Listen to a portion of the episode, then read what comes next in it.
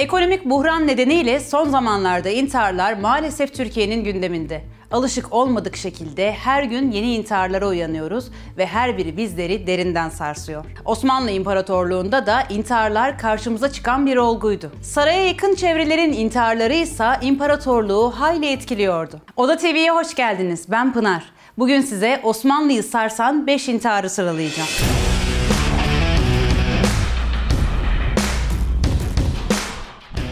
Sultan Abdülaziz 8 Şubat 1830'da dünyaya geldi. 31 yaşındayken tahta geçti. Yaklaşık 15 yıl boyunca yönettiği Osmanlı'da tahttan indirildi. Sultan Abdülaziz'in intihar ettiği kadar öldürüldüğüne inanan çok sayıda tarihçi de bulunuyor. Sultan Abdülaziz 30 Mayıs 1876'da başta Serasker Hüseyin Avni Paşa olmak üzere bazı Osmanlı bürokratlarının tertip ettikleri bir darbe ile tahttan indirildi. Sultan ve ailesi kayıklarla Topkapı Sarayı'na nakledildi. Abdülaziz'e Sultan 3. Selim'in odası ayrıldı. Ki bu çok farklı anlamlar içermekteydi. Çünkü 3. Selim tahttan indirildikten sonra bu odada şehit edilmişti. Sultan Abdülaziz dairesine yerleşir yerleşmez 5. Murat'a hitaben bir mektup yazdı. Suikasta uğrayacağına dair şüphelerinin olduğunu anlattı. Kendisinin ve ailesinin Feriye Sarayı'na naklini istedi. Sultan nakil olduktan 5 gün sonra Feriye Sarayı'nda vefat etti. Abdülaziz'in vefatının ardından bu durumunun bir intihar vakası değil, cinayet vakası olduğu düşünüldü. Serasker Hüseyin Avni Paşa'nın sultanı henüz yaşarken yatağından kaldırdığı çıkartıp karakola naklettirmesi, olayla ilgili olarak rapor hazırlamakla mükellef doktorlara sultanı detaylı olarak muayene ettirmemesi ve ölüm raporunun intihar yönünde hazırlanması uzun yıllar bu Osmanlı padişahının intihar ettiğine yönelik düşüncelerin olmasına neden oldu.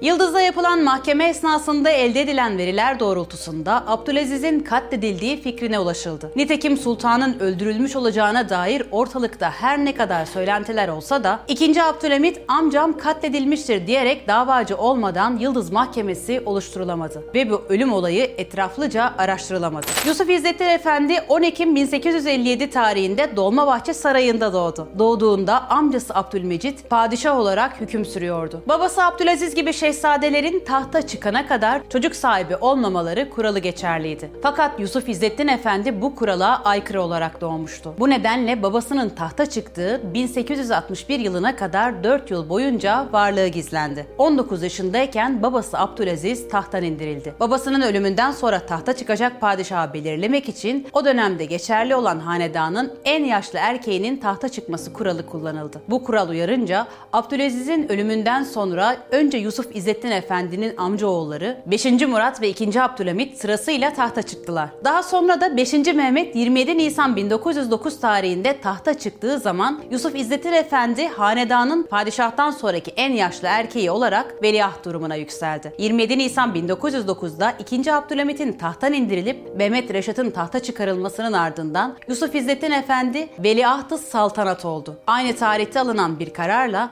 1876'dan itibaren 2. Abdülhamit'in adına padişahın emlakine aktarılan bütün arazi, imtiyaz ve taşınmazlar mali hazinesine devredildi. Veliaht olduktan sonra itaatçılar tarafından çevresine yerleştirilen yaver ve teşrifatçı gibi özel görevlilerin üzerinde kurdukları baskı Yusuf İzzettin'i ruhsal açıdan yıprattı. 1914 ilkbaharında hastalığın biraz daha artması üzerine tekrar Avrupa'ya gönderilmesine karar verildi. Bu arada veliahtlıktan düşürülemeyeceğine dair teminat vermesi için padişahı sıkıştırmaktan da geri kalmadı. Fakat 1. Dünya Savaşı'nın çıkması üzerine Avrupa gezisi ertelendi. Bir gece sonra sol kolunun bileğindeki damarları ustura ile keserek intihara teşebbüs etti ve çağrılan doktorların bütün müdahalesine rağmen kan kaybını tarafından öldü. El yazısıyla bıraktığı mektupta içinde bulunduğu duruma tahammül edemediğini, maddi sıkıntı çektiğini, intiharın çok kötü bir şey olduğunu bildiğini ve Allah'ın affına sığındığını belirtmekte olduğunu, Cenab-ı Hak kusurumu affetsin sözüyle bitirdi. Tanzimat devri devlet adamı ve şairi Sadullah Paşa 1838'de Erzurum'da doğdu.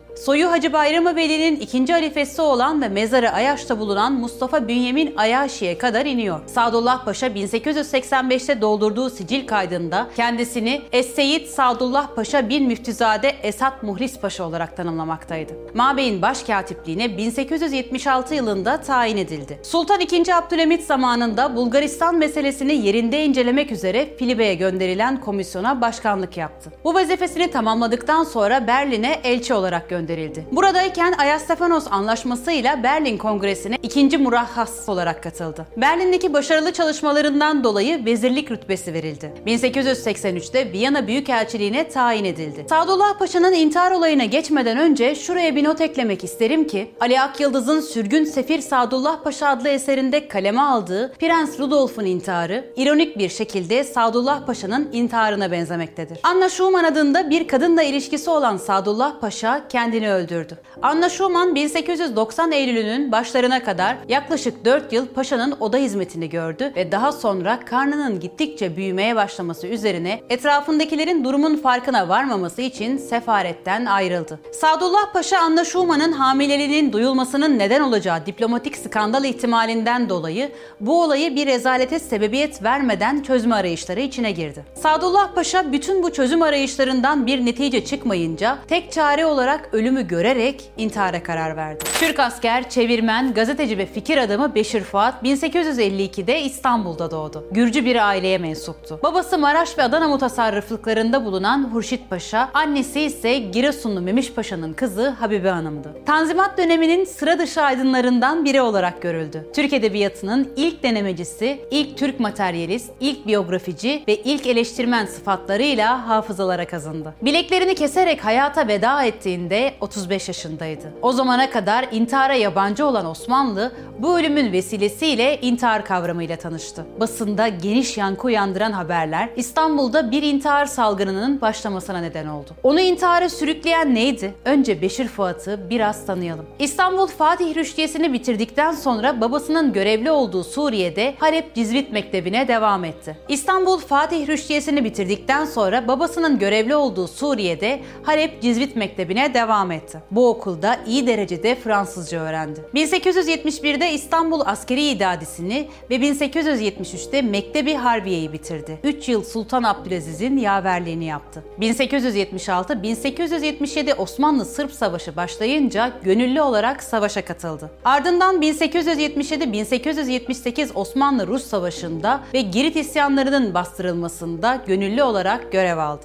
Genç yaşta evlendi ve Mehmet Cemil isminde bir oğlu oldu. İkinci evliliğini ise saray doktoru Kadri Paşa'nın oğlu Salih Paşa'nın kızı Şaziye Hanım'la yaptı. Bu evlilikten Namık Kemal ve Mehmet Selim adlı iki oğlu oldu. Çok iyi derecede İngilizce, Almanca ve Fransızca biliyordu. Aynı zamanda bilim ve felsefeye ilgi duyuyordu. 1883 yılında Mustafa Reşit'in çıkardığı Envar-ı Zeka dergisine çeviriler yaparak yazı hayatına başlayan Beşir Fuat, 1884'te askerliği bıraktı.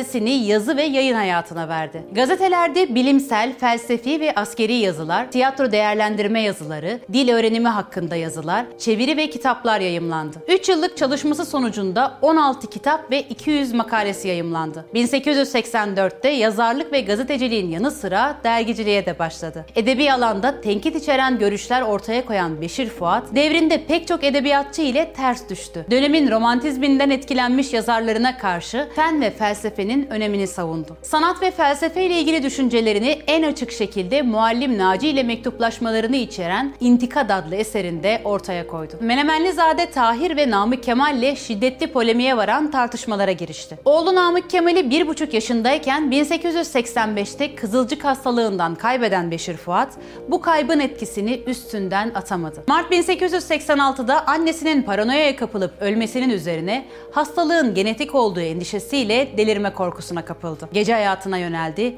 sevgilileri vardı. Fransız sevgilisinden Feride adlı bir kız çocuk sahibi oldu. Her zaman eşi ve sevgilisi arasında kalmanın sıkıntısını yaşadı. Tüm bu sıkıntılarının yanı sıra babasından kalan mirası tüketerek geçim sıkıntısına düştü ve kendisini öldürmeyi planladı. 5 Şubat 1887'de Cağaloğlu yokuşundaki 12 numaralı evde bileklerini keserek intihar etti. Beşir Fuat cesedini kadavra olarak tıbbiyeye bağışlasa da bu isteği yerine getirilmedi. Ne yazık ki onun intiharının ardından İstanbul'da bir intihar salgını başladı. Yaşanan gelişmeler üzerine 11 Mart 1887 tarihinde gazetelerin intihar haberlerini vermesi yasaklandı. Fakat 6 ay sonra bu yasakta kalktı.